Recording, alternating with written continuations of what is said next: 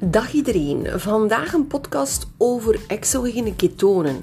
Ik krijg daar heel wat vragen over. Wat zijn nu exogene ketonen? Nu, bij de afbraak van vetten komen er ketonen vrij. De ketonen die je lichaam zelf maakt, dat worden endogene ketonen genoemd. De andere vorm, exogene ketonen, worden buiten het lichaam gemaakt en zijn bijvoorbeeld als supplement verkrijgbaar. Deze zijn verkrijgbaar in twee varianten. Je hebt de vloeibare esters en de BHB-poeders. De ketonen-esters, dat is de meest sterke vorm van exogene ketonen, die esters. Deze bestaan uit beta-hydroxybutaanzuur, dus BHB, en acetoacetaat, ACAC, of een combinatie van beide. Door de esterverbinding worden de ketonen gekoppeld aan butaandiol of glycerol. Esters hebben als voordeel dat ze de meest sterke variant zijn. Er kan namelijk een grote dosis ketonen in verwerkt worden en dat zorgt voor een grotere stijging van het aantal ketonen in het bloed. De grootste nadelen zijn echter dat ze duur zijn en de smaak voor de meeste vrijwel niet te verwerken is.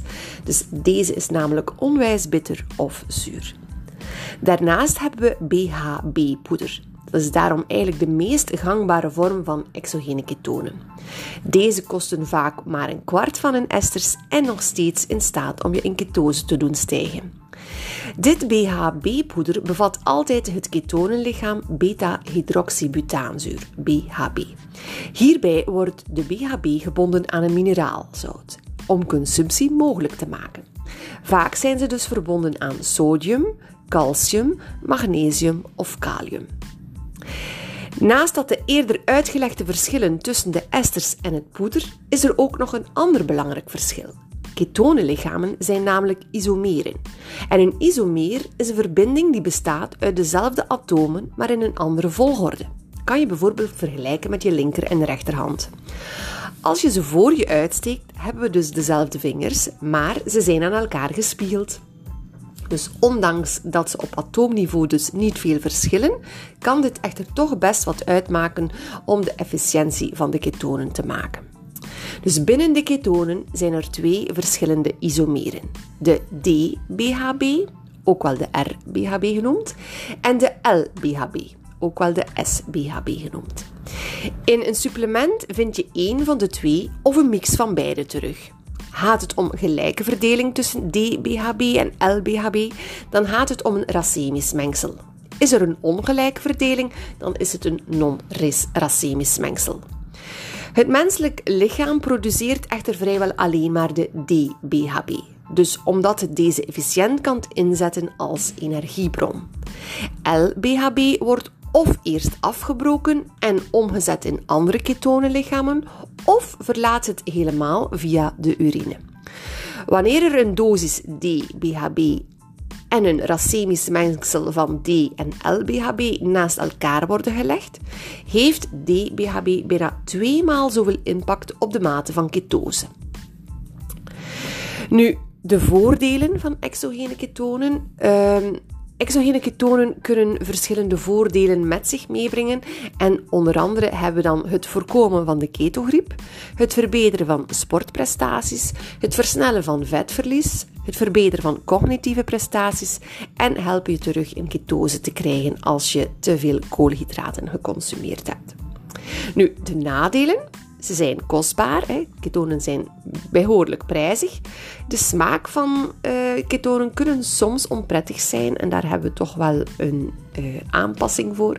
Hebben ook maag- en darmklachten, dus voor sommige mensen kan het starten met exogene ketonen leiden tot maag- en darmklachten. Uh, maar als je deze goed inneemt en met de juiste begeleiding, kan dit eigenlijk een super voordeel zijn. Nu, moet ik ketogeen gaan eten. Dus wij raden aan om exogene ketonen altijd te combineren met ofwel een ketogeen of een koolhydraatarm dieet te volgen. Want hierdoor, is je lichaam gewend aan het gebruik van ketonen en zal het hier veel efficiënter mee omgaan.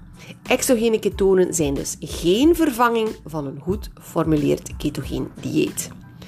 Nu, exogene ketonen zijn natuurlijk niet verplicht. Hè. Een goed geformuleerd ketogeen dieet uh, zal dus ook heel wat voordelen hebben. Het enige nadeel is dat we dat soms heel moeilijk bereiken, die staat van ketose. Of wil je graag jouw keto journey een boost geven, uh, dan gaan we, of zit je op een plateau, uh, dan kan het toch wel helpen om die exogene ketonen te nemen. Nu, welke je juist kiest, kies voor de juiste isomeer, dus de DBHB.